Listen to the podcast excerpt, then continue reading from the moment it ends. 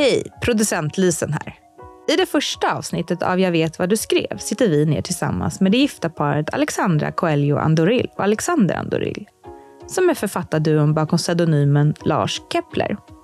Paret har skrivit flera deckare och spänningsromaner tillsammans och är bland annat kända för serien om kriminalkommissarie Jonna Lina. Denna serie inkluderar titlar som Hypnotisören och Sandmannen. Deras böcker har översatts till flera språk och har varit internationella bästsäljare världen över. De är nu aktuella med en ny pseudonym, Alex Andoril, och med den första boken ur en ny spänningsserie, Jag kommer att hitta nyckeln. De är båda etablerade författare och har skrivit separat under sina egna namn innan de började samarbeta som Lars Kepler. Deras samarbete som Lars Kepler har varit mycket framgångsrikt inom deckargenren och det har mottagit flera priser och utmärkelser för sitt arbete genom åren. Hur fungerar det egentligen att skriva tillsammans som gifta? Vad sitter de när de skriver? Vad menar de egentligen med kristallhjärna? Låt oss lyssna och se.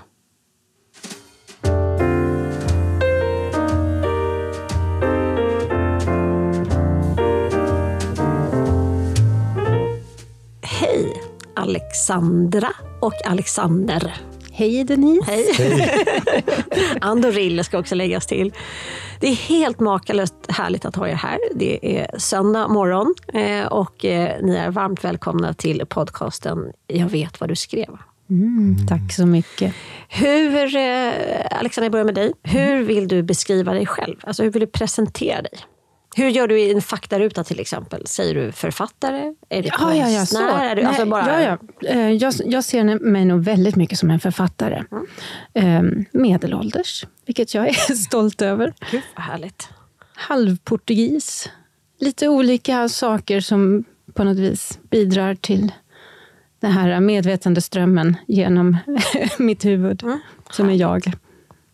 Och Alexander? Eh, författare sedan jättemånga år tillbaka. Eh, ja, vad kan det vara? 33, 34 år sedan jag debuterade. Det är skitlänge Ja. faktiskt. Åt- 89, 89 debuterade Alexander. Eh, så jag hade skrivit nio romaner och 20-tal pjäser innan vi började skriva ihop. Mm. Kommer från en medelklassfamilj en generation och sen riktig arbetarklass bakåt. Statare, statardrängare, backstugesittare. Som jag är väldigt stolt över. Det förstår jag. Jag måste ju fråga då, hur, hur möttes ni? Eh, det behöver inte vara på ett privat plan, utan bara mer sådär... Ni är ju liksom det mest framstående eh, författarparet sedan Sjöwall Wahlöö. Och ni är ju eh, alltså ni är en institution numera. Hur... Ja, men vi möttes, vi möttes 92 faktiskt, så det är också väldigt länge sedan. Ehm, Jag flyttade till Stockholm för jag kom in på scenskolan och skulle bli skådespelare. Och ehm, innan terminen ens började där i slutet på augusti så gick jag på någon fest och ehm, träffade en väldigt stilig man. och Det var Alexander och jag blev väldigt kär omedelbart. Egentligen var det så här att det var några vänner som ville skoja med oss eftersom vi hette samma sak. Så då tyckte de att det var lite kul att vi skulle hälsa på varandra det är väldigt kul. Jag, jag var faktiskt ihop med en kille ett tag som heter Dennis. Vad fint. Det var så extremt... Era namn är ändå liksom estetiskt liksom väldigt trevliga. Dennis och Denise lät bara som en jättedålig buskis, tycker jag. Det Ja, men det, nej, men, Det är lite som banan och banan. Ja. Alltså det är liksom, ja. jag vet, det, det flög inte alls lika estetiskt, kände jag. Ni har alltså skrivit tillsammans sen hur länge då? Ja, vi debuterade då tillsammans 2009. så vi började skriva 2008 tror jag, Ja. ihop. Och så kom boken 2009. Så det, är- det är ett tag sedan nu. Alltså det var någon som sa att det var 14 år sedan. Och det är ju... Det är också väldigt länge. Ja, Men eh, det här blev ju liksom verkligen en enorm... Alltså vilken uppmärksamhet ni fick från början eh, med tanke på er pseudonym som ni lyckades hålla väldigt länge. Ehm, Sådär. Men ja. jag, har- Ja, alltså det, det är så intressant att vi verkligen försökte undvika uppmärksamhet och så blev det totalt tvärtom. Ja. Det var... ehm, ja. Vi, vi, Det är liksom en sån här PR-kupp som inte går att planera. Nej, Precis, Det nej, var omvänd PR-kupp. Ja, precis. Ja. Alltså, vårt, vårt förlag tyckte ju det var jättejobbigt eh, att det inte fanns en författare att lansera. Och vi tänkte hela tiden, ja men Låt boken stå för sig Ja. själv, leva Ja. sitt vi eget skickade liv. ut boken i världen. Liksom. Men det gick ju inte. Men hur var det då? Alltså, för det var ju, ni var ju ganska ansatta under en period. Ni blev ju liksom jagade. Ja, Ja, så det var ju så. Vi skickade in manuset till hypnotisören då våren 2009. Var det. Ja, eller ja, vårvintern, ja. tidigt på våren. Och så översattes den och och togs med till London bokmässan då på våren och blev en jättegrej där. Och då var den ju inte ens utgiven någonstans. Nej, det var ju, eh, vi skickade ju den till manuset till vårt förlag, till, till och med vår förläggare. Men vi skrev ju då ett sånt här, äh, jag heter Lars Kepler och det är en pseudonym. Kontakta mig via larskepler.hotmail.com eller någonting. Och jag tänker skriva en bok om året ungefär. Och är du intresserad så hör av dig genast eller något sånt. Och då, då eh, vår förläggare skickade ut manuset till hela liksom Bonniers där och alla läste över en helg och ville ha boken. Och sen så översatte de det, så blev det London Book Fair och så översatte de och tog med sig dit. Och då blev det en så här aktion och det blev The Book of the Fair. Och det, det var i och med det, alltså det var där journalisterna faktiskt eh, blev galna och bestämde sig för att ta reda på vem Lars Kepler var. Det var en galen sommar för oss. Ja. Jag, 2009. vet, alltså det, jag blir för puls bara jag hör det. För det intressanta här är att bara förfarandet inom ert eget förlag, alltså Albert Bonnier, alltså Bonniersfären, att, att helt förlagshus läser en bok över en helg, det tror jag aldrig har hänt, vare sig innan eller före eller efter. Eh, och att det sen dessutom tar liksom fart då ut i världen är ju helt makalöst. Ja, det, det var helt makalöst faktiskt. Och sen så kom det här liksom lite läskiga då, det här aggressiva sökandet efter oss. Alltså någon form av manhunt. Ja, ja, det var ju det. Ja. Ja. Och det, det var också så konstigt, för att vi, vi liksom har en liten stuga på västkusten och på den tiden fanns det ju ingen uppkoppling eller något. Så vi fattade inte heller riktigt Vad som- hur, vad som hände. Vi fick liksom åka in till, till Falkenberg och gå till, in till biblioteket för att få uppkoppling. Och det var verkligen så här galna tider. Alltså vi var nog också lite, det var först i efterhand vi förstod vidden av den här jakten. Liksom. Ja. Men vi var ju med, GV skulle göra en sån här gärningsmannaprofil på Lars Kepler i tv. Helt knasigt. Så vi, vi var med på någon chatt och svarade Ja. på frågor. Ja, gud. Det är, ja, det är en väldigt härlig start på någonting. Men ni hade ju en ambition från början att ni skulle skriva någonting tillsammans och att ni ville liksom testa en ny genre. Hur, hur kom det, liksom, hur var fröet till det här från början? Mm, ja, det, är- det är en jättebra fråga, för vi, vi visste verkligen inte vilken genre vi skulle skriva i, eh, annat än att vi liksom ville prova att skriva ihop. Så vi började med en barnbok. Och det blev ju miss, totalt fiasko. Vi kunde inte samarbeta. Sen försökte vi skriva en pjäs, Ja. eftersom jag är, är gammal skådis och Alexandra har skrivit mycket dramatik. Det handlar om någon violinist, kommer jag ihåg. Ja. Ja. Det blev inte så bra. Eh, Nej, men, och sen så plötsligt bara fattade vi att vi måste lämna liksom våra egna författaregon. Det måste bli en ny röst. Jaha, det var de som stod i vägen? ja, liksom, framförallt då. Alexander. Nej då. Nej, men eh, du, det, det var liksom... Vi har, om man säger så här, väldigt olika stil i vårt eget skrivande. Och, ehm, och när vi väl lämnade det så, så insåg vi att vi, vi måste skaffa en ny författare. Och då kom liksom Lars Kepler till oss med sin, sin, sina thrillers, så att säga. Vi, det är också så att vi är väldigt förtjusta i thrillers. Vi har alltid liksom lä- älskat att läsa deckare och thrillers och, ehm, och se film, alltid spänningsfilm. Vi, vi är liksom slukare av kultur. Och just eh, spänningsgenren har alltid haft en särskild plats i vår, våra hjärtan.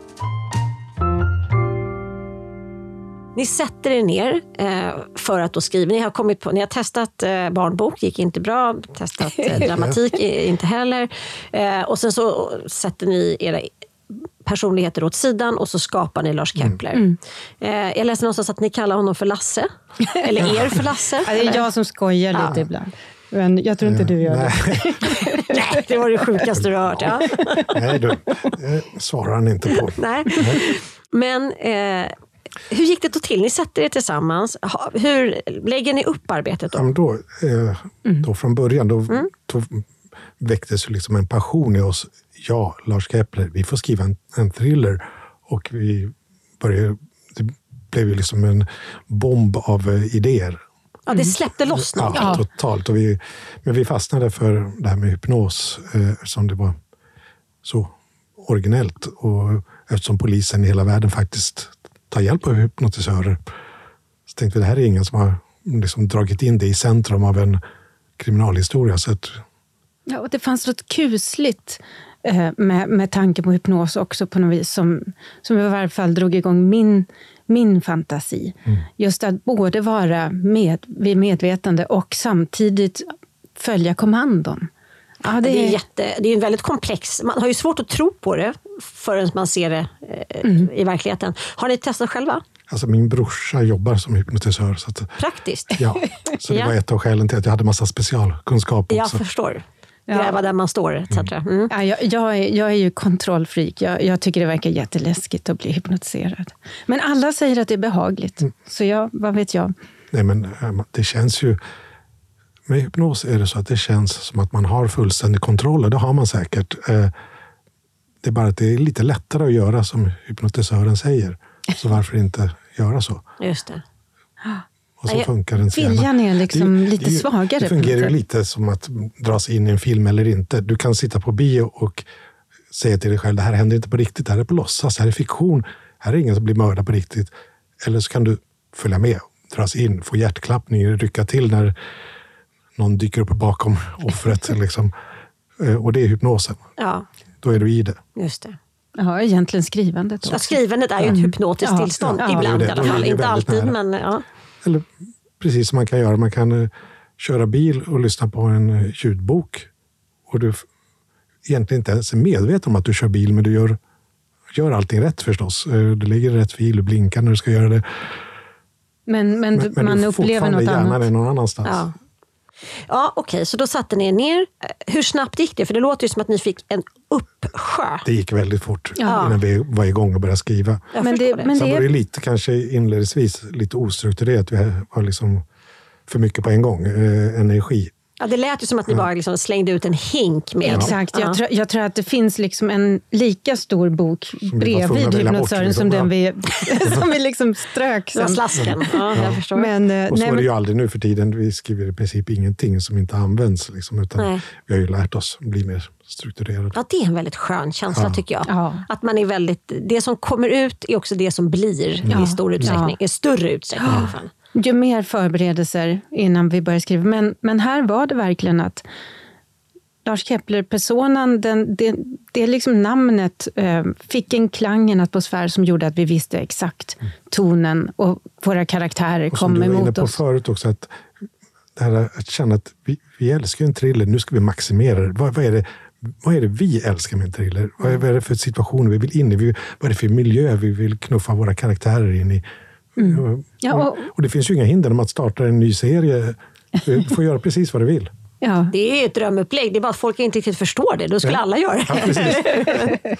Men okej, eh, men så, eh, det var, då, då hade ni inte samma eh, mängd förberedelser som kanske det blev senare. Hur ser era förberedelser ut när ni sätter er nu? Alltså, Vi diskuterar väldigt länge eh, tills vi hittar vad ska man säga, en idé eller en, alltså, någon form av tematik. Komplikation. Ja, någonting som vi känner, det här är så komplext och intressant att vi, vi vill ägna ett år av våra liv åt att skriva en bok om det. Eh, så att, och då försöker vi bara bygga vår berättelse så, så bra som Vi håller möjligt. på väldigt mycket med intrigen innan vi börjar skriva. Och det, det är väl kanske också extra viktigt om man är två författare. För att Ja, vi måste ju veta Skriva att vi skriver bok, det samma blir- bok. Ja. Det är jobbigt om det blir två helt olika. Ja. Ja, eller att, att, eh, och vi vill ju också att det ska vara en röst, en författarröst. Så att då är ju ehm, byggandet, eh, så, så, så, att säga plotten. eh, Vi gör väldigt, väldigt ingående...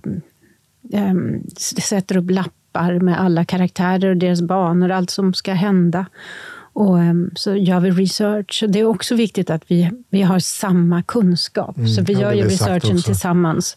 Det får inte vara en som är bra på pistoler och en som är jag vet inte, Jag vet bra på inte. mat. Ja, nej, utan men vi vi- måste vara bra på allting, båda två. Lika bra på det. Ja, är inte det också erfarenhetens liksom, kunskap? att ju, längre, alltså, ju mer förberedelser du har gjort, desto lättare blir det att sen är det bara att skriva ut det. Det är, nästan som att man är en skrivare som Mm. Ja, bara det- får ur sig det. Det, det är ju en jättehärlig känsla när man är väl förberedd. Och det märker man också, ju fler böcker man skriver, desto mer kan man ju om polisarbete och, och rättsmedicin och sånt. Så är Hur mer trogna är ni verkligheten i det? Eh, Väldigt trogna. Väldigt trogna. Förutom att vi speedar upp eh, polisarbetet. Jo, jo men det är precis. Nej, men för vissa, som Hjort Rosenfeldt till exempel, de gör ju helt de har sin egen agenda till exempel. Mm.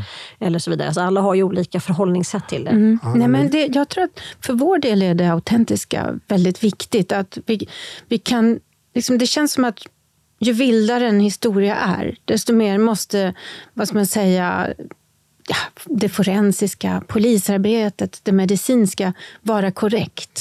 Att det ger en tyngd åt berättelsen, tycker jag i varje fall. Och en slags trygghet också. Ja. Tänker jag. Alltså att det är, vi vet att okej, det, här, det här är väldigt våldsamt, det är väldigt obehagligt. Men det är så här verkligheten ser ut. Ja, precis. Då kan man liksom vila i det. det, blir en, och det tror jag är tryggt även för läsaren. Ja. Förutom Jo, men- att man då har alltså, karaktärer som Jona Linna som är ju exceptionell. Det är klart att sådana poliser finns inte som eh, ger allt och är beredd att offra sitt liv för varje fall ungefär. Jo, men han finns ju då i den här kontexten av, eh, av att det är ändå vårt nutida Stockholm. Ja, ja. Han, han utvecklar inga vingar och börjar flyga, utan han är liksom en mänsklig person som dessutom, har vi märkt nu, blir... Ja, det har kommit ett mörker över honom. Jag har också förstått att ni är väldigt skrämda själva. Lättskrämda skulle jag inte säga, för jag delar ert, liksom, er rädsla väldigt inte, mycket inte, också. inte, vi är inte rädda för fiktion. Vi kan se vad som helst, alltså skräckfilmer och sånt. Men däremot verkligheten skrämmer oss Mm, väldigt mycket. Människors våldsamhet är... Ja, det, det är väl det man, man ägnar sig åt att försöka förstå och hantera. Det här, Men är ni även mörkrädda? Alltså, Jag är jättemörkrädd. Usch, men det har jag alltid varit i hela mitt liv. Ja. Det blir tyvärr inte bättre. Man får låtsas inför barnen. Att jag, man inte lyckades, är... jag lyckas inte heller. Båda mina barn är jättemörkrädda. Jag har Förstört dem helt. Är du mörkrädd också? Eh, Jag är nog bättre på att låtsas att jag inte är det, men jag- tror att alla är mörkrädda. Ja. Ja, egentligen man, tror man jag måste också ju inför barnen ändå vara en trygg pappa. Ja. Då får man tra- trava in i det mörka rummet och nej då. Det är ingen fara här. Nej, det var bara bara någon gren som Ja. knackade på rutan. Jag minns särskilt, jag var höll på att träna för maraton av alla idiotiska Oj. företeelser. Och då gick jag, och, eller, gick jag, jag lunkade fram eh, och lyssnade på Stalker. Och jag var så illa, det var liksom Mallorca, det var 30 grader varmt och jag var helt panikslagen. Det var fullt med folk överallt och ändå så kände jag att jag var i... Det är en väldigt liksom, hård eh, första scen ni har där. Ja. Eh, För den gestaltade precis allt jag är rädd för. Ja. Och då har ni ju lyckats fantastiskt att ni har liksom hittat, för det är ju gissningsvis inte bara min och er, utan det är ju allas, en Ja. av liksom den största skräcken man kan ha. Det, det är intressant, vi har fått väldigt mycket reaktioner på den boken. Just Mm. att folk installerade gardiner efter att ha läst den, ja, skaffade lås och rullgardiner Ja, så och hemskt. jag vet inte vad, och persienner. Och, Det var någon som inte vågade ha boken i sitt sovrum på natten om hon var ensam. Skulle ta ut den i garaget tror jag. Jag tog ut den i garaget. Det var just inte boken i sig då som Nej, kanske var farlig. Nej, jag heller men Men jag, jag, jag tycker det är fascinerande. Alltså när vi var i Norge och lanserade Stalker, då, då pratade de om att det finns liksom en, en beteckning där som heter husrädsla. Och det är att man är rädd till och med om det är ljust ute. Alltså, om man i är sitt hem. I sitt hem. Och den, den känner jag ut. Ja. ofta. Att man, Ja, jag håller eh, med. Ja, att det är liksom... Man blir överväldigad av att vara ensam i Mm. sitt eget hem fast det är ljust ute, så man hellre går ut. Ja. Ja, Jag, eh, vi var ganska unga, jag och en väninna. Och hon eh, åkte hem sent på natten hemifrån mig. Vi hade varit ute på fest på stan.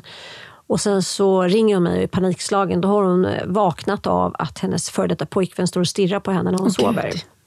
Och det där är en sån scen som jag har återanvänt. Jag vet inte hur många böcker. Jag måste sluta skriva den där scenen, men jag kan inte släppa den. Jag ryser. Eh, och just det där, eh, för det är väl någonting inne i sitt eget, i sin trygghet. Att då få den inskränkt, den är ju fruktansvärd. Men den är ju väldigt användbar dramaturgiskt. Ni gör ju det fantastiskt bra.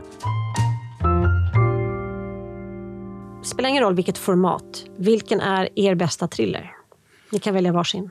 Alltså som vi har sett. Sett, läst, lyssnat. Fullständigt omöjligt. Eh, alltså jag kan säga, jag älskar The Exorcist. Ja. Det är, Ja. det är faktiskt både en polishistoria och en skräckroman. Yes, det är med. så unikt alltså. Ah, jag vet inte, jag älskar poliskommissarien. Ja, han är Ah. fantastisk. Ja, det, är en, det, är, det är en riktigt bra bok. Och så äter de någon form av minihamburgare. Som jag alltid har frågat mig, vad är det här för minihamburgare? Nu för tiden finns ju små sliders. Ja. Men på den tiden när boken kom, liksom, Men var det pulled pork då? Som, eller var det... Nej, det var jag vet inte, han, han har en påse med det fanns inget minihamburgare. svenskt ord det. Liksom, så att det, Och det är bara något... Alltså författaren lyckas göra liksom, kommissarien mysig. Och samtidigt träd, träder vi in i det här liksom, han är så här ofattbara kommissarie som skräcken. låtsas att den är tankspridd och glömmer bort saker Ja, lite. Columbo. Ja, Mm. precis. Fast i själva verket så är han bara smart. Ja, han är, Ja, sätt den att distansera sig. Liksom. Ja. Och vad har du? Har du samma bok där? Eller? alltså, jag har så svårt att plocka fram böcker så här. Eh, Det, man samlar liksom inspiration från så många olika håll. Vi håller på att läsa Cormac McCarthys sista bok, Passageraren. Och där Mm. I vår finns det- bokcirkel, ja. ja. I vår lilla bokcirkel. Och där finns det en helt underbar scen när han kommer ut till huvudpersonen kommer ut till en övergiven oljerigg. Och den eh, tycker jag, eh, den lilla scenen kan jag liksom vurma för. Och jag älskar eh, den långa städscenen i en av eh, Knausgårds böcker. Eh, tror det är 40 sidors städning. Och det är underbart. Eh, Så att för mig är det mer små delar av väldigt många upplevelser. Jag är nog inne på det där också. Alltså just det, alltså de här lite mer fragmentariska man kan gilla just, eller jag minns framför, jag minns ju inte, jag kommer inte ihåg vad jag läst eller sett. Utan jag, som till exempel med Stalker, jag minns den, den delen av er bok är ju så extremt stark. Ehm, så att det, jag kan förstå vad du menar. lite. Det är samma som jag tänker på Pulp Fiction. Jag kommer inte egentligen ihåg hela filmen, men jag minns några som är jävligt bra scener. Ja. Ja, men det, jag tror att det är så. Alltså det, det är svårt med att em, rada upp och göra listor, så, för man förändras ju också. Och det man tyckte var jätteviktigt, eh, när man återvänder till en sån bok, så va? Det här är inte alls, talar inte alls till mig på samma sätt nu och så vidare. Nej. Och det är när man är samma när man läser klassiker tycker jag. ja, precis. Eh, Jag har läst Jane Eyre hur många gånger som helst, men det är, det är nya, jag läser den på olika sätt varenda gång. Ja. Ja. ja, det är en av de bästa böckerna som finns. Ja. Vi läste ju precis eh, Svindlande höjder läste vi precis, också i vår lilla bokcirkel. Ja. Jag har faktiskt startat en ny eh, podd på Sveriges Radio som heter P3 Klassiker. Och då bjuder de ju faktiskt in, så de kommer säkert bjuda in er nu. Eh, f- det, är, det är väldigt intressant att just höra eh, prata klassiker i modern tid. Ja, ja, jag tycker det är så intressant med Svindlande höjder och Jane Eyre. Alltså detta starka temperament som fortfarande liksom bultar, Ja, men- detta bultande hjärta. Elden Ja, inuti. elden, det och de satt levande. där på sina regniga hedar och, och åt äcklig inälvsmat. Man liksom kan- man levde ju inte livet. Nej, man kan inte fatta hur de... Nej. Alltså den energin. Det, Mm. Alla författare måste läsa de här böckerna och bara... Hur gjorde de? De Ja. gjorde, skapade liksom magi där. Och då var- det fanns ju. Precis. Ja, Fantisera. Exakt. Och nu då så har ni tagit steget. Eh, Ni har gjort flera avhopp ju faktiskt under tidens gång. Ni har ju kört, som ni har gjort tillsammans. Men nu som det här har ni ju verkligen jobbat med det slutna rummet. Just det. Ehm, Pusseldeckaren. pusseldeckare. Jag är väldigt förtjust i då, eh, mordet på Orientexpressen. Ja, Mm. mycket bra. som ju har en hel del konspirationsteorier bakom sig och så vidare. Men ni har ju, liksom, det känns ju som att ni har ju verkligen inmundigat hela genren här. Ja, Ja, jo ja. men alltså vi, vi, vi, vi älskar ju eh, den, den subgenren inom deckarromanen också, eh, eller kriminal, eller vad ska jag säga, romaner om brott, eller vad man ska kalla det för. Det, för vår del var det bara så svårt att se, hur får man en modern relevans, en psykologisk trovärdighet i Mm. Ja, för eh, pusseldeckaren. ja, Ja, för det, det var liksom det som krävdes för att det skulle funka för oss. Vi egentligen har gått och pratat ganska många år om, om, skri, om att skriva en pusseldeckare. Men liksom, ja, hur, hur, hur ska vi göra det helt Ja, hur enkelt? gör man att karaktärerna inte bara är funktioner, utan alltså att de är människor som vi intresserar oss av? För, att, för egentligen vad vi gillar så mycket med det här är ju att vad ska man säga, mysteriet står i fokus och, och vägen till att lösa mysteriet är på något vis att lära känna de olika karaktärerna. Och då vill man att de ska vara lite mer än Cluedo-karaktärer. vill- Ja, för då blir det mer en, en lustig figur i konstiga kläder, alltså som en eh, Poirot. Eh, Ja, vi Han blir mer en komisk figur Ja. än, än någon En- som vi bryr oss om. Precis, en figur liksom. Och vi, vi ville liksom ha Ja, modern psykologi. Det modern psykologi. ja. Och liksom moderna familjer, moder- moderna relationer. Alltså Sverige här och nu, fast pusseldeckare. Så det var, var, och det, det var också så här att vår nyckel till, till det här var faktiskt att eh, vår huvudkaraktär plötsligt uppenbarade sig för oss. Julia Stark, som hon heter. Det, Privatdetektiv. det, det var så några gånger när vi har skapat karaktärer att vi båda upplever det som att vi ser personen på långt avstånd komma gående mot oss på den här gången på en dammig landsväg. Eh, så kommer hon och vi ser, först ser vi inte att det är en kvinna, vi ser att det är en person som går märkligt och sen kommer hon närmare och ser vi att det är en kvinna i 30-årsåldern men hon går med käpp. Eh, och så kommer hon ännu närmare och så far hennes blonda hår bort från ansiktet och då ser vi att hon har ett jättedjupt ärr efter hela kinden. Och det var liksom nyckeln till oss att börja tala om ja, men vad, är det? vad är det som har hänt henne. Hon har varit med om någonting. Hon är traumatiserad och så börjar vi liksom nysta upp hennes liv. Och sen blev hon vår privatdetektiv. Men det här är ju fantastiskt. Alltså, hur, att ni får en gemensam vision. Ja, det är jättekonstigt. Och vi, vi har liksom inte tänkt på det förrän det nu... För det är det jag som har händer, slängt in här dammig. Jag vet inte om din eh, landsväg var dammig. Men Ja, men det är ändå en någorlunda enkel detalj att lägga till. Så, ja. Ja, det, Men det är helt otroligt. det, det var liksom på något vis, hon kom till oss, hon ville bli skriven och hennes värld såg ut så här. Hon löser de här... eh, Ja, Får man reda på, då, vågar ni avslöja hennes förflutna direkt? Ja, alltså, det kan vi väl göra. Inte hela, men vi kan... eh, Alltså hon som tonåring var med om en stor flygolycka i, i Rumänien. var det ett plan från Tyskland som störtade och eh, alla passagerare, inklusive henne, hela hennes familj, dog utom hon som överlevde och lappades ihop. Och det här, den posttraumatiska stressen, stresssyndromet gör att hon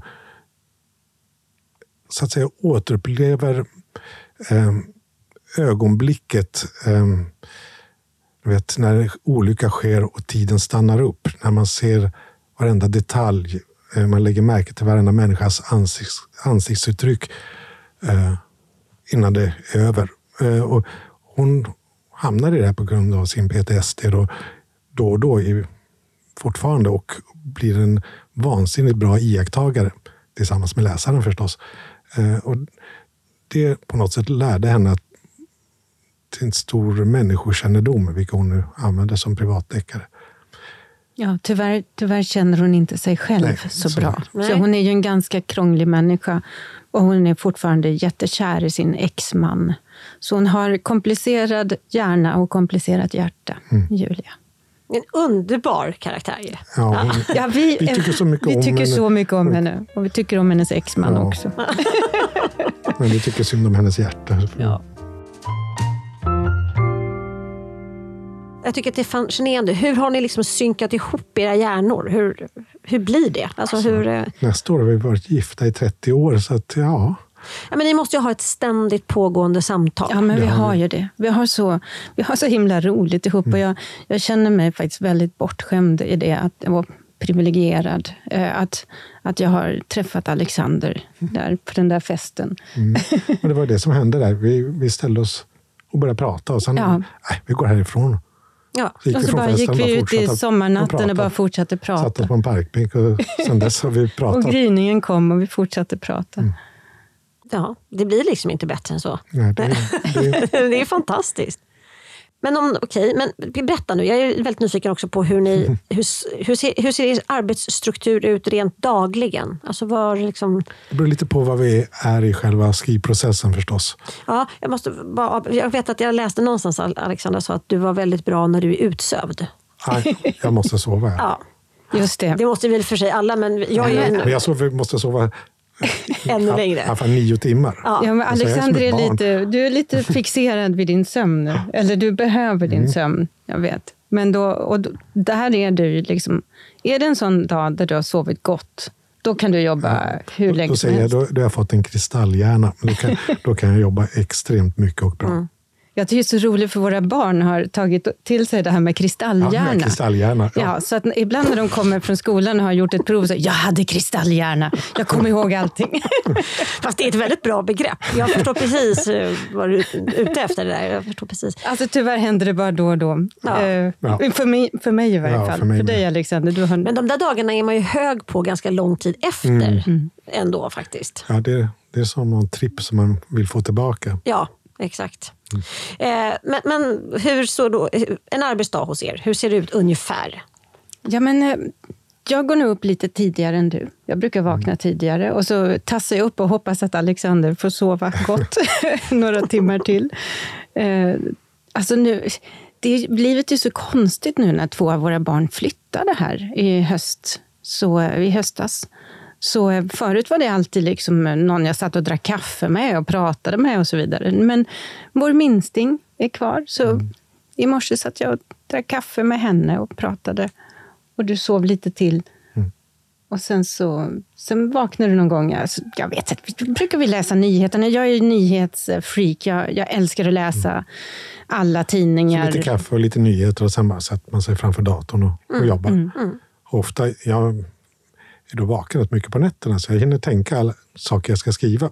Så jag har långa, långa partier som jag redan har skrivit i mitt huvud på natten. Ja, så du behöver liksom ingen med- anteckningsbok bredvid sängen. Du bara Nej, nej, jag skriver upp det i ditt huvud. Ja, Men ja, det bruk- är väl ganska läsa. mycket, ja men att man också, det som är bra minns man ju.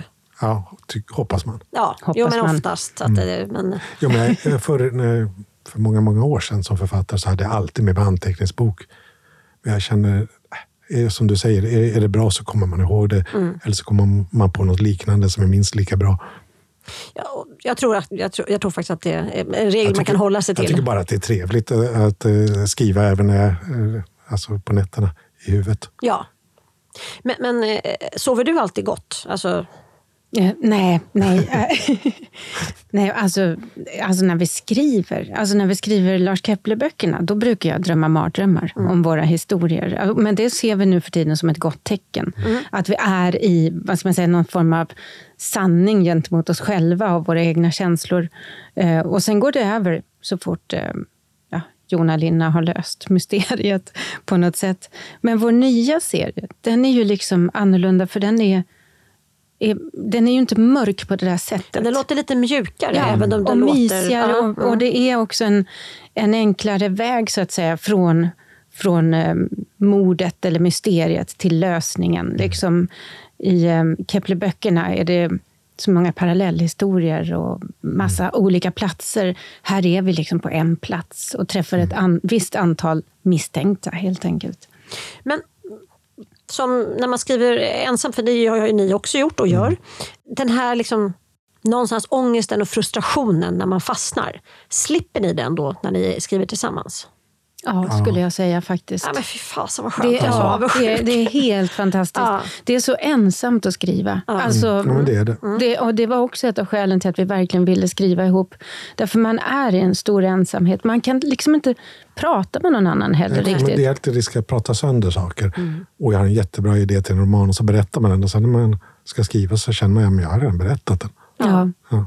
Den har tappat sin måste man hemlighet på något. Istället vara hemlig. Och, och, och det gör den ju isolerad för man går ju och tänker på det här hela tiden och kan ändå inte tala om det. Så det har varit eh, så skönt. Eh, Ja, vi har liksom på något vis brutit ner den där muren av ensamhet som, eh, som författaryrket bär med Ja, sig. för man brukar ju prata om det i USA framförallt när man har liksom dragit igång det här med writers room när man skriver tv-serier eller Mm. film eller sådär. Och det är ju inte helt lätt att göra det i bokform tycker jag. Jag tycker inte alltid att det flyger. För som ni säger, man behöver vara ensam med sin historia. Man vill inte delge för tidigt. Men ni lyckas ju skapa ett litet eget private writing room här på ett Ja, men Ja, det precis. väldigt smart sätt. Utan, att magin försvinner. Det, Exakt. det är det som är risken annars. Då har ni ätit frukost, ni sätter er, eh, har ni arbetsrum. Ja. Vi har arbetsrum, ja. Ja. Och eh, eh, ni sitter i samma rum Vi sitter bredvid varandra vid samma skrivbord. som ni gör nu. Sitter bredvid varandra också. Ja. Så har vi Varsin varsin dator. När det var sin dator? Ja, ja, ja. Mm. Så ni delar inte skärm och sånt där? Nej, nej. Nej. det, Nej. Nej. Däremot så, nej men sen så skriver vi väl varsin eh, bit. Alltså Alexander kanske vill skriva en, en sekvens av det här vi har kommit överens om när vi något som har... jag funderar på på natten kanske. Ja, och jag skriver en annan sekvens och så efter ett tag så skickar vi våra texter till varandra. Så ni jobbar inte i någon Google Doc? Nej, jag vet att Eller det finns. Word Doc finns det ju nu Ja. också. Sådana här online-dokument. Nej, jag är lite nej, rädd men- för det där. Det Ja, känns jag- som att, Jag tycker det är något, något väldigt bra med att vi ändå skickar våra texter till varandra. För att då finns det kvar också. Alltså vi, har varit med, vi är ju så gamla så vi har varit med om att datorer börjar brinna och sådana saker. Liksom. Ja, ja, när jag började skriva fanns det inte datorer på det sättet. nej, Nej. Du, Då skrev man på sk- maskin. Skrivmaskin. Just det här online-dokumentet kanske det finns en risk, om man nu verkligen ska nörda ner sig i det tekniska. Det där som vi sa, att man berättar om en idé för tidigt. mm. Att liksom det man får ner i det dokumentet, det ska kännas liksom färdig och komplett, färdigt och Ja. komplett. Det tror jag finns en risk, då, då, då låser man sin Jag tror också- kreativitet. Mm, Precis, det, jag tror det är också nog att det är helt viktigt att skydda eh, det även inför sig själv. Man skriver inte det viktigaste i en berättelse först. Utan man spar den som en liten glödande kolbit som man ska få, få komma till senare. Men, men just nu måste jag göra det som är före innan jag får träda in i det här rummet. Ja. Som jag Innan, innan payoffen kommer. Ja. Ja, precis. Men jag, jag tänker så här att eftersom vi då på något sätt är varandras redaktörer, att vi hela tiden bearbetar varandras text och så, så, så när vi kommer med vårt manus är det liksom klart. Ja. Det är alltid helt klart. Liksom. Det, Ja, det finns det- i princip ingenting att ändra på. Nej, men... men ja, ja, nej, jag skulle aldrig våga det där med Google Doc faktiskt. Jag, Nej, nej, men det, och det är speciellt. Och, Eller, det är modigt. eller robotar. Men jag Nej. älskar det moderna. Alltså, Det är inte så. Ja, nej, nej, Eh, jag tycker det är spännande med... Nej, men det moderna, alltså, tekniken kan ju också, som vi sa, det kan ju eh, det kan ju hålla tillbaks, det kan, så det kan störa kreativiteten. Hur, hur är då, som ni säger, ni kommer ju t- liksom till med ett väldigt färdigt manus till förlaget. Hur är relationen med förläggaren då? Alltså hur, för många förläggare vill ju gärna in och peta och tycka och visa, framförallt visa sig duktiga tror jag. Eh, vilket är en väldigt fin egenskap. Men, men hur liksom hanterar ni sånt? Ja, ja, nej, vi har en, vår förläggare är väldigt...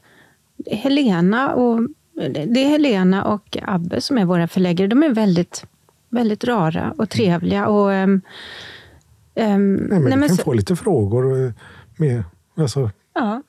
ofta kring tid också. Okej, har, har de hunnit allt det här på en dag? Liksom, och sånt. Ja, det, det är mer det som eh, man känner att, att ja, men vad bra. Eh, Det måste vara liksom möjligt för den här personen att ta sig därifrån dit. på... Ja, men Den där tidslinjen, är inte den retlig? Den är svår. Ja. Och inte så rolig heller. Nej, och det är så att man kommer inte undan den. Vi kanske kan förklara alltså, att det är, Ja, alltså, det är väldigt mycket man, ibland som behöver hända under en dag. Ja. Man kan inte lösa det rent praktiskt på ett annat sätt. Precis. Men det blir ju, som man får påpeka ändå, att det blir orimligt att det här har hänt på ett dygn.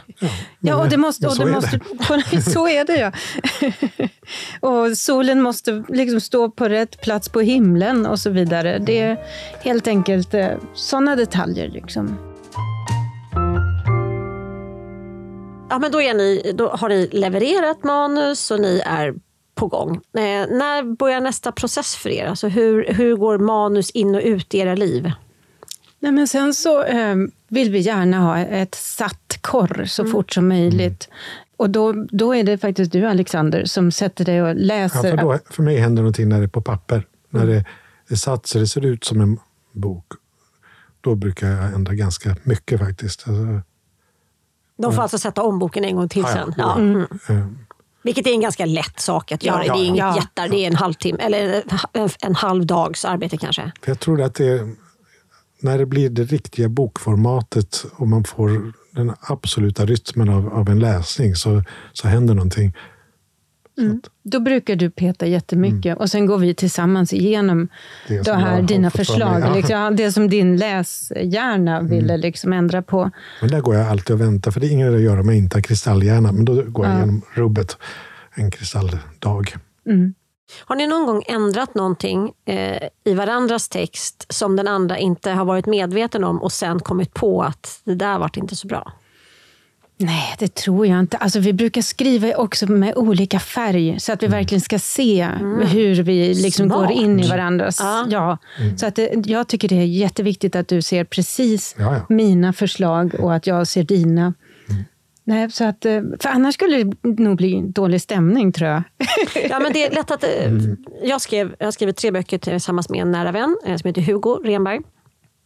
Och I en av böckerna så skulle vi ha någon sån här romantisk getaway. Eh, och vi skrev varannat kapitel.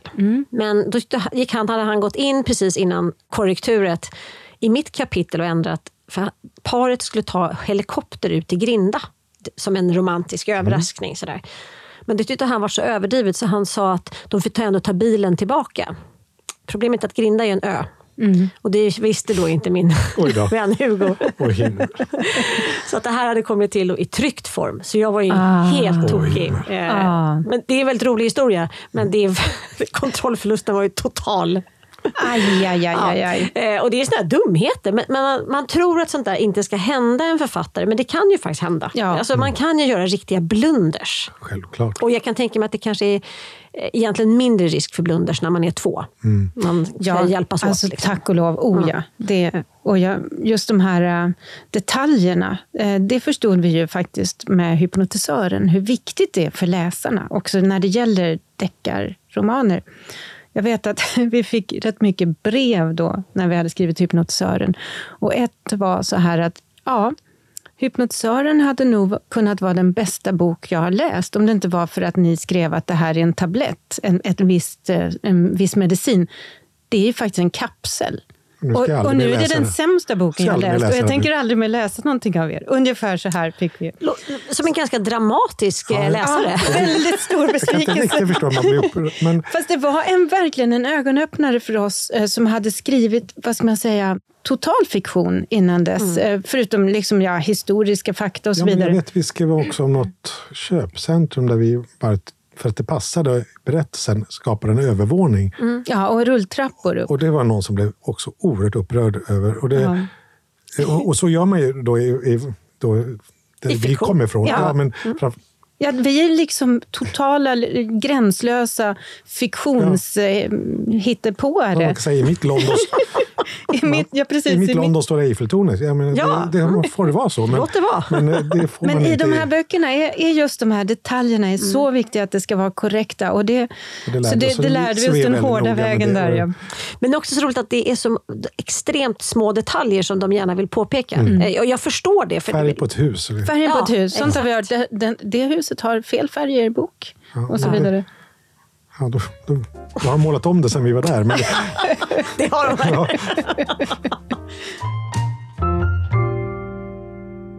För ni, i och med att just ni skriver som par, har ni blivit effektivare? Har ni blivit mer passionerade? Vad har, vad har hänt mer? Liksom i?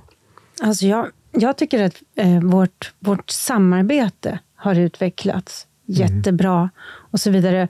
Sen kan jag känna att på något sätt ligger det i, skri, i skrivandets natur att man bär en sorts känsla av att det finns något oskrivet.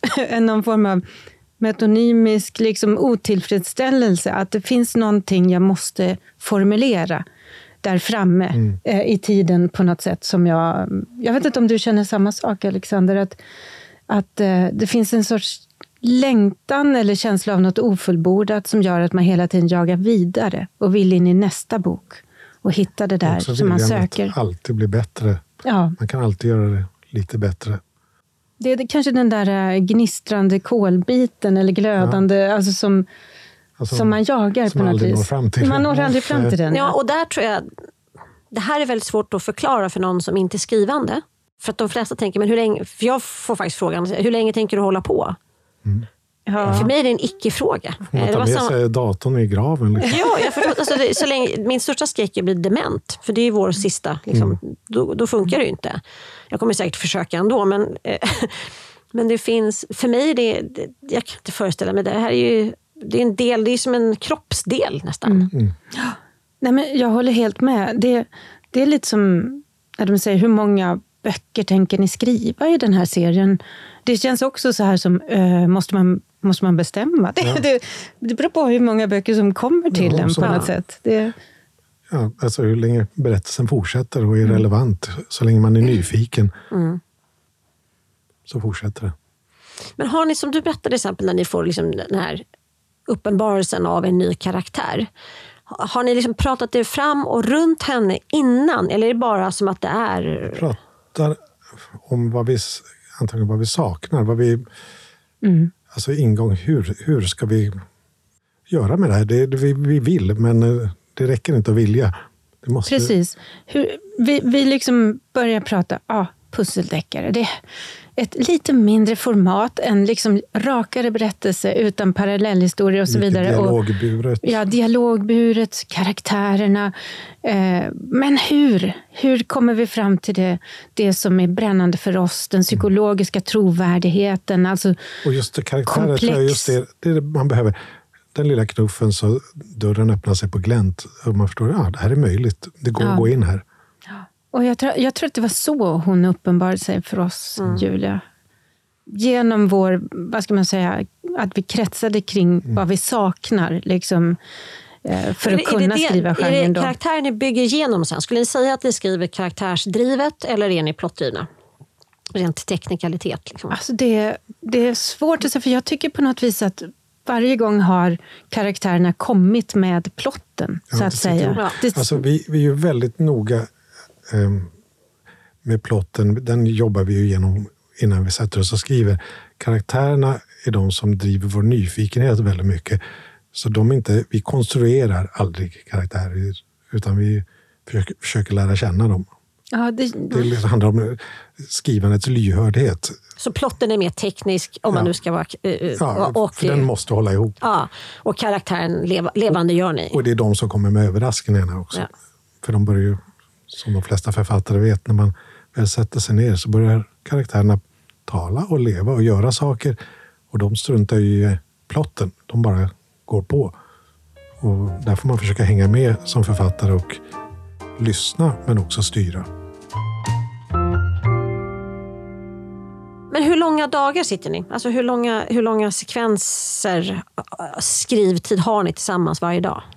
Det, det är väldigt olika. Eh, Men alltså Det vid men det är något varje tillfälle, dag, ja, varje Och dag. Och så vid något också. tillfälle så, så orkar inte hjärnan längre på något sätt. Och det är också det här att ha det här avståndet till datorskärmen. Att man måste byta perspektiv. Liksom. Och, Ja, rent fysiskt ja, flytta på sig. precis.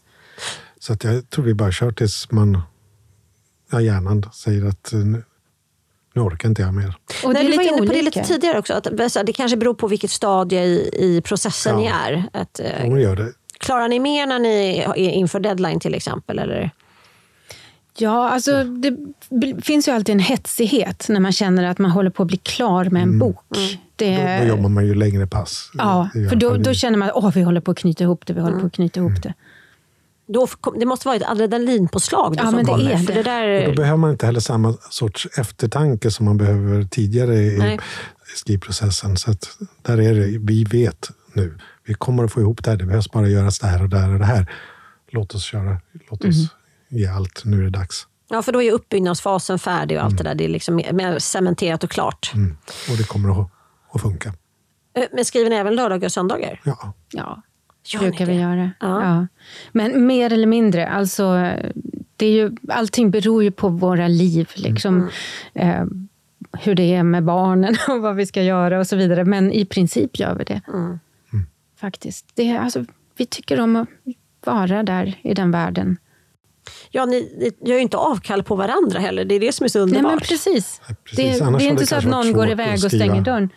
På helgerna kanske. Men Som vi båda gör det så. Och hur eh, förhåller sig familjen till det? Är, är liksom, respekterar de ert skrivande eller kommer de ändå in och skriker att det är, har inga strumpor kvar? Eller? Ja, De alltså, kommer alltid in och jag har aldrig skriker.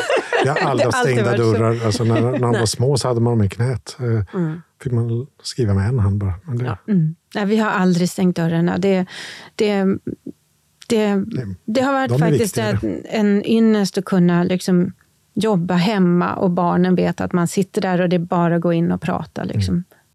Det är ändå flott av er, för att jag har nog uppfostrat mina barn att ni får gärna vara här inne, men ni får inte prata med mig. Det, är lite, det är också det här lite grann beroende på var i processen man är. För när man väl är inne i det här extrema fokuset, då hör jag inte ens om jag blir tilltalad. Nej. Nej, men så kan det ju vara. Nej, det är då den där hypnosen har trätt in. Man har gått rakt in i sin bubbla. Liksom. Absolut. Min man brukar titta på mig och säga, varför ser du ut som du vill liksom döda mig? Va, va? alltså, jag vet inte, du ska bara ut härifrån nu. Jag tror barnen känner igen det också när de kommer in och säger någonting. Man tittar på dem med, alltså med nästan blind blick. Liksom, Ja. För att jag är fortfarande inne i min berättelse. Exakt. Så- Ja, då backar de förstår ut kanske ja, igen. okej, Det är ingen idé att prata med pappa nu. Nej. Men har ni behov av liksom ensamtid separat också? Alltså, behöver ni liksom gå in och sätta er? Sätter du dig i soffan och stirrar i två timmar utan Alexander? Eller Nej, behöver nej, du det? nej. utan sen när vi, när vi har skrivit färdigt, då brukar vi liksom, nu, nu ska vi ha vår läsecirkel. Och då sätter vi oss tillsammans och läser. För att vi har ju, det senaste året kanske, Ja, det är mer faktiskt. ja, de senaste två åren kanske, börjat liksom läsa igen regelbundet, alltså, Alltså sånt varje som dag. inte hör till jobbet, är alltså som inte research och sånt. Och det har varit så himla underbart att hitta den här liksom läslusten från ja. barndomen och ungdomen. Att, att det är så mycket, man har läst så mycket ändamålsenlig litteratur. Alltså dels alla de åren jag jobbade som kritiker och sen satt jag i Statens kulturråd i fyra år och läste också typ allt som gavs ut i Sverige. Fick en otrolig koll på vår samtidslitteratur, vilket var fantastiskt. Men det var ändå, vad ska man säga, läsning skulle resultera i någon form av åsikt. Och här har vi liksom den lyxen att bara sitta och Vi köper läsa. alltid två böcker av samma och så sitter vi bredvid varandra och läser. Sen bestämmer vi hur långt vi ska läsa. Som Alexander läser mer än dubbelt så fort som jag. Jag läser i långsam taltakt. Jag kan inte läsa annan takt. Det tycker jag är så mysigt. Men det här är ju väldigt, det är väldigt fint. Ja, det, det är Ja. faktiskt riktigt lyxigt. Ja, Ja, jag älskar de här läsningarna. Men det är också det att man varit i vår fiktion och sen plötsligt bara, ah, nu går jag in i en annan författares värld, universum och under den här lilla tiden. Alltså läsa är så fantastiskt lyxigt. Ja, men jag tänker också, för jag upplevde ju, så precis som ni beskriver nu, att läsandet var liksom en nyttig funktion under många år. Och det var faktiskt när mina barn var i behov av mig på ett väldigt stort sätt. Nu när de är vuxna och klarar sig själva betydligt mer så nu har också läsandet kommit tillbaka. Ja. Ja, alltså, det är som att den här slukaråldern har kommit tillbaka. Ja, Ja, jag så känner jag. Eh, Det och det måste bra. vara någonting som att det fanns inte tid och liksom passion för det här eh, under de många år. Nej, men, Men jag nu ihåg att vi jäklar. talade om när barnen var små att skrivandet funkar men eh, läsandet borta. försvann, Det- liksom. Då somnar man så fort man sätter sig med en bok. Exakt. Men ehm, Det är väldigt intressant att hur det, den cykeln eh, ser ut. så var allting kvar på något vis. Hela den här glädjen inför en, en bok och en historia. Åh, nu ska vi äntligen få återvända till berättelsen här. Men det är ju väldigt lyxigt som ni kan göra också, då sitta och diskutera. Vi har gjort det lite grann nu när vi har gjort research inför det här programmet. Så har vi också, det är väldigt kul att få diskutera det man läser. Ja, det är ju det. Jag ska ställa lite snabba bara till er. Ja, Ja, se. gud, det här är vi dåliga på. Nej, men det här är inget. Ja, det kommer få se. Men, men vi varnar redan innan att vi inte är så bra på sådana. Er bästa skrivföda? Torrostade jordnötter. Ja, Ja, du delar den? Ja. ja Okej, bra. Musik eller inte? inte. Inte. När man skriver alltså. Annars jättegärna. Ni skriver aldrig till musik? Nej. Nej. Nej. För länge sedan hade jag alltid jag brukade lyssna på drawerfiler när jag skrev. men eh, det gör jag inte längre. Nej. Skrivbord eller soffa? Skrivbord. Ja, skrivbord, absolut. Ni flyttar aldrig arbetsplats? Nej. Nej, vi, gi- vi gillar, vi har stora datorer, stora skärmar. Jag ser framför mig att ni sitter som i ett gamingrum. alltså, jätteskärmar. Nej, inte så stora Inte så. Så stora vi får tag i. Ja, de stora, största vi kan få tag i. Dator eller penna? Dator. Ja, jag säger detsamma. Dator. Datorkramare. Ja. Men ni skriver på Mac eller PC? Mac. Mac. Jag undrar om någon använder PC? Jag tycker att det är fruktansvärt eh, medium. Det, ja, men, det, allting sitter ju ihop. Ja, det är ju liksom. det. man, är ju, Ja. man har ju inget val. Nej, man har liksom. blivit fast faktiskt. Ja, Ja, fast som alltid kompatibelt. Ja, jag vet, men det är också det är användarvänligt. Det är säkert deras Ja. slogan jag har ätit upp, men det, det känns ju som att det är mer kreativt. Ja, det, det känns jättebra. Ja, Ja. vad skönt. Ja, du är eniga. Frukostläsning då? Vad läser ni till frukost? Jag äter ju inte frukost, men eh, på morgonen, nyheter. Ja. Ja, New York Times, New York Times, de svenska DN. tidningarna. Ja. Eh, Kör ni både svenskan och DN? Eh, nej, nu, nu har vi inte svenskan. Nej. Nu har vi DN. Förr hade vi även Göteborgs-Posten. Ja, precis. Oj! Ja, men Det var- Alexandra Ja, men jag skrev Göteborgs-Posten, Ja, ja. så det hade vi under många år. Herregud, ambitiöst. Ja. Men New York Times läser Ja. jag med stor, stor behållning. Men eh, en söndag då som idag, eh, hur ser resten av den här söndagen ut för er? Laga mat. Vi brukar laga stora söndagsmiddagar. Lagar ni båda två mat? Ja. Ja, vi lagar tillsammans. Alltså, det är helt fantastiskt. ja, ja, men det är så mysigt. Det, det är verkligen en härlig stund när vi, när vi lagar mat. Och, eh, då, då kan Kanske vi mycket väl lyssna på musik. Och, eh, ah, Alltså kockvinet är ju det godaste vinet. när man det är mycket bra. Det är ju Ja, tyvärr det. Ja. Det finns mycket vin som är gott i och för ja, sig. det finns mycket vin det- som är gott. Men det är väldigt bra. Ja. Intressant att ni båda har läst Enid Blyton, för det gjorde jag ju också. Jag var besatt av Enid Blyton och är, jag ska säga att det är stora anledningen till att jag själv skriver idag. Men det fanns ju någonting hon var expert på, nämligen att skriva om mat. Också- Picknickkorgarna där. Ja. Oj, oj, oj. Hembakade faster Fannys scones. Ja. Man kan tro att det skulle vara tråkigt att räkna upp det, men det är det ju inte. Det är så trevligt. Jag hävdar att mat är väldigt gestaltande. Väldigt bra. Ja. Mat fungerar så bra i Ja. litteratur. Men eh, hur, hur, hur gör ni där? Hur, hur beskriver ni er mat? Hur, hur kommer ni på? Är det liksom... Alltså det är ju alltid bra att vara hungrig när man ska skriva om mat. Ja, jag Det blev hungrig nu, känner Ja, jag. jag blev också hungrig nu. Därför, I vår nya serie så, så tänkte vi att ah, men det passar med mat. Ja. I det här. Det, det, det, gör sig på, alltså det passar med de här fasta situationerna. Mål, Ja, och då är det kul att få och då tog vi hem. våra egna recept väldigt mycket. För att det var, jag vet inte, det var bara en liten rolig vinkning Mm. eh, från oss till läsarna. Det, Ja, men då, det är ju, som vi sa, det är väldigt beskrivande för en person eller en karaktär. Eh, vad den äter, hur den äter Mm. och när den äter.